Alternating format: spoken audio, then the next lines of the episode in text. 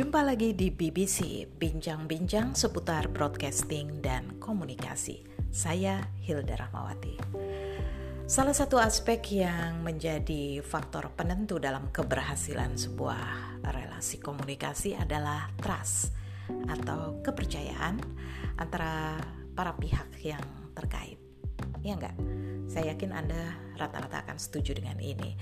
Nah, ada yang menarik tentang trust bahwa baru-baru uh, ini seorang senior saya yaitu Mas Arif Budi Susilo Pemret Solo Post yang juga dulu adalah uh, jurnalis senior di bisnis Indonesia. Uh, beliau menulis satu tulisan yang menarik yaitu tentang trust is money. Ya, bukan time is money, tapi trust is money.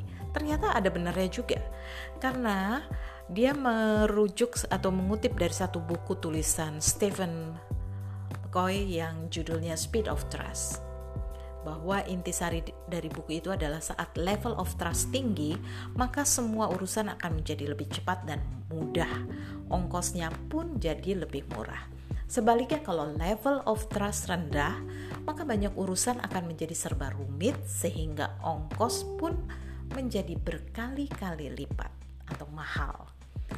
Jadi high trust atau kepercayaan yang tinggi akan membuat urusan kita beres lebih cepat sehingga secara keseluruhan biaya pun akan murah alias low cost. Apalagi jika waktu menjadi satu hal yang kita perhitungkan.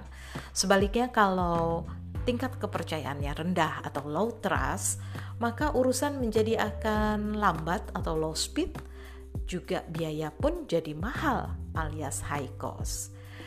Misalnya, ini bisa kita lihat kalau urusan kita mau ke luar negeri deh. Misalnya saja ke Singapura, Australia, atau Amerika.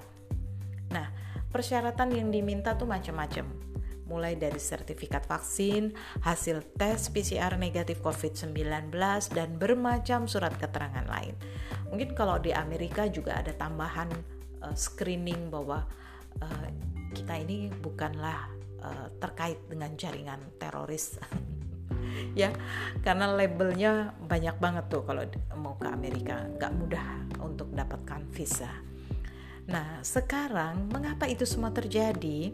Ya karena adanya ketidakyakinan atau atau ketidakpercayaan bahwa orang yang datang itu aman untuk uh, datang di suatu tempat sehingga aturannya pun dibuat ketat bahwa kita bebas tadi tidak terkait dengan jaringan teroris eh, kita juga sehat dibuktikan dengan sertifikat vaksin dan bebas covid yang dibuktikan dengan surat hasil PCR jadinya mahal kan?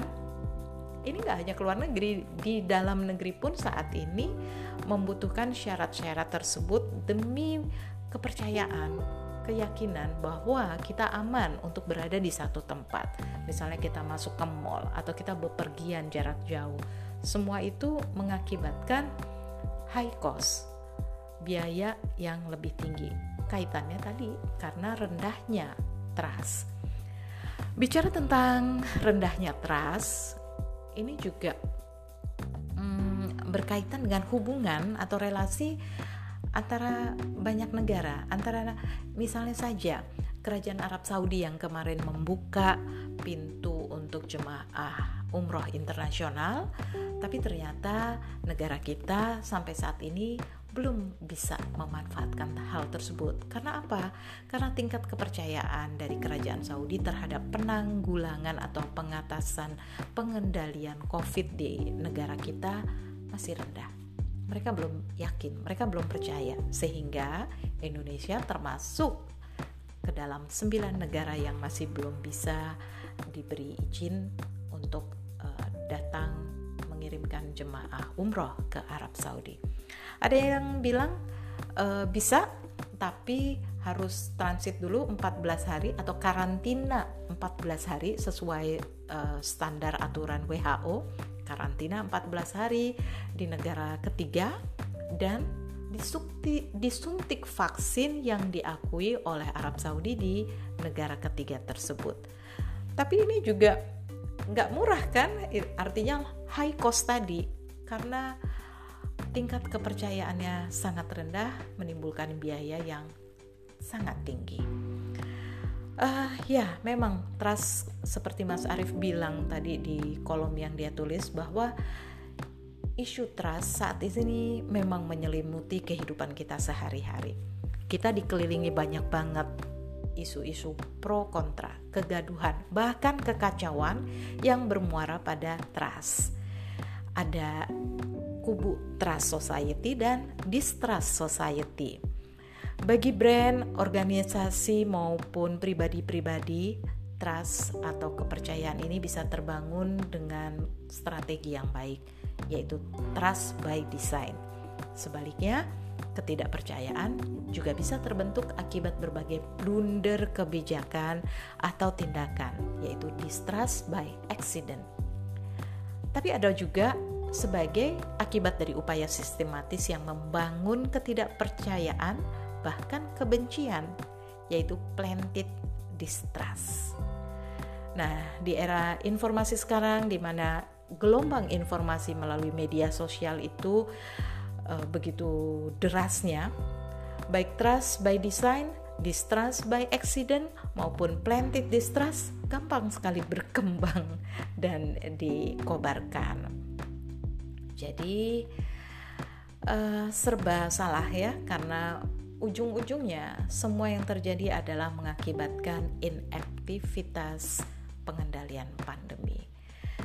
So, menjadi PR buat kita bersama uh, bahwa terutama ya buat diri-diri kita pribadi kepercayaan itu memang mahal. Jadi kalau sudah mendapatkan kepercayaan atau dipercaya oleh pihak lain, jagalah kepercayaan itu dengan sebaik-baiknya. Karena kehilangan kepercayaan mahal ongkosnya. Saya Hilda Ramawati, sekian BBC kali ini, sampai jumpa di episode berikutnya.